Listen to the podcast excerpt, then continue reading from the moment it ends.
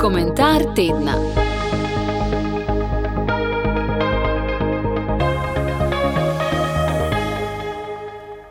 Po ogledu včerajšnjega predvolilnega soočenja si veliko misli želi uiti iz moje glave.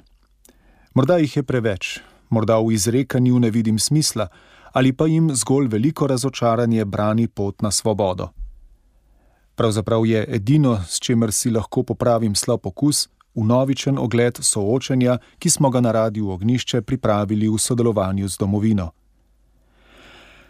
Ob volitvah me je vedno motil izraz predvolilne obljube, izraz, ki se ga drži misel, da gre za nekaj, česar ni mogoče uresničiti.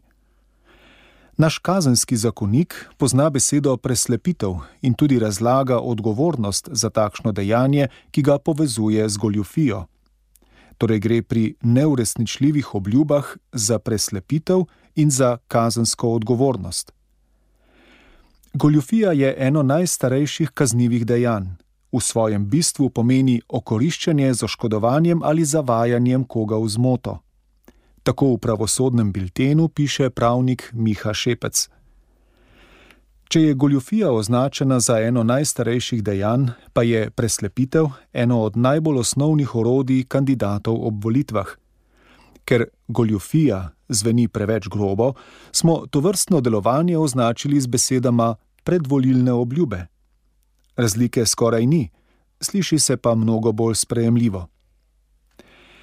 Če politik pred volitvami obljublja, da se bo zauzemal za ureditev razmer v zdravstvu, ko pa je v parlamentu, zato ne naredi nič, lahko govorimo o sleparjenju, razen če ima morda za to razloge.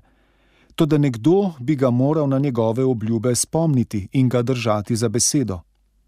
Edini, ki takšno raboto lahko predočijo, so mediji, ti pa, vemo, se v Sloveniji namesto svojim osnovnim poslanstvom, to je verodostojnim poročanjem, večinoma ukvarjajo z aktivnim ustvarjanjem svoje resnice ali pa z aktivnim molkom.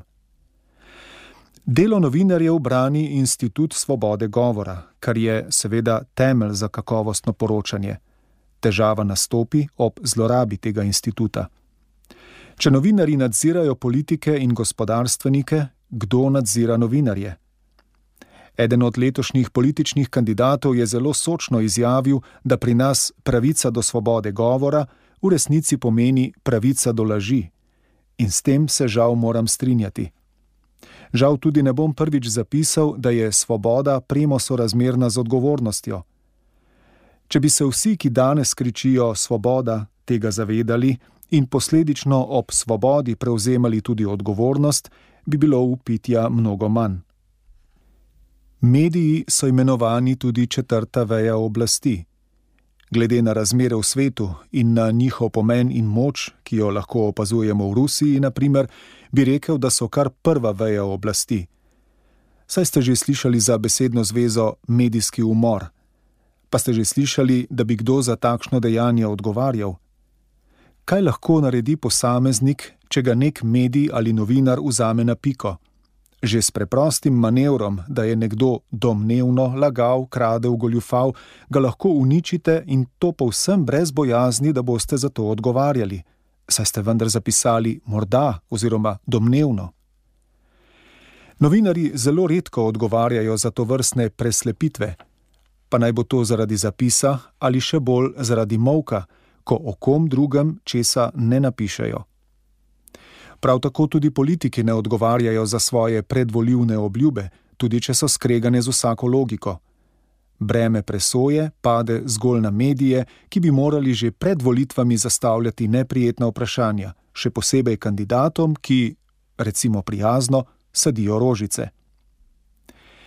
Mediji imajo tudi edini moč, da voljivce spomnijo na obljube, zaradi katerih so predstavnikom dali svoj glas in jih pokličajo na odgovornost.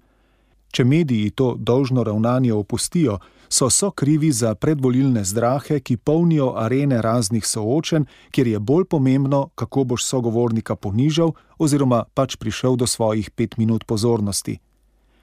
Vsebinske razprave in vprašanja, o katerih bodo ti isti kandidati jutri odločali v parlamentu, vendar nikogar ne zanimajo. Morda jih tudi res ne, Ni pa prav, da zaradi tega prevladuje prej opisan teater, ki nič ne pove o tem, ali bo stranka, ki ji bom namenil glas, poskrbela za to, da bodo jutri v državi gospodarski pogoji, zaradi katerih bom imel delo in pošteno plačo. Ne zamerim politiku, ki želi biti všečen, zelo pa zamerim novinarju, ki mu to dopusti in se ne potrudi pokazati, ali je za fasado tudi kakšno uporabno nadstropje. Kdor zagotavlja, naprimer, da pod njegovo vlado ne bo mask in cepljenja, zanika stroko. Kdor pravi, da je pri nas vlada v času korone ravnala napačno, ker je poslušala stroko, se postavlja nad stroko. Kdor trdi, da je pri ukrepih pretiravala, pa ne zna brati ali pa zavaja. Namreč praktično v svet je ravnal vsaj tako, če ne še bolj restriktivno, in medij, ki pomaga širiti takšna zavajanja, ima slabe novinarje ali pa namerno goljufa. Pri nas je zaradi politike veliko ljudi razočaranih. Vse tiste bi rad povabil k razmisleku z vprašanjem, zakaj so razočarani. Po logiki razočarani voljivci ne volijo več istih kandidatov oziroma strank. Liberalni demokrati, zares, pozitivna Slovenija, stranka Mira Cerarja. Nekoč mogočne stranke novih obrazov, ki jih danes ni nikjer več. Mar ne prav zaradi razočaranja nad njimi. Morda pa bi pri letošnji izbiri prekinili ta krok in se nehali odločati na podlagi všečnih idej, ki se kot milni mehurčki razpočijo ob prvem srečanju z realnostjo. Vse poznate zlato pravilo v prepoznavanju spletnih prevar. Če je obljubljeno prelepo, da bi bilo res, potem ni. Povsem enako velja za politične obljube. Tokratni komentar sem pripravil Tadej Sadar. Komentar tedna.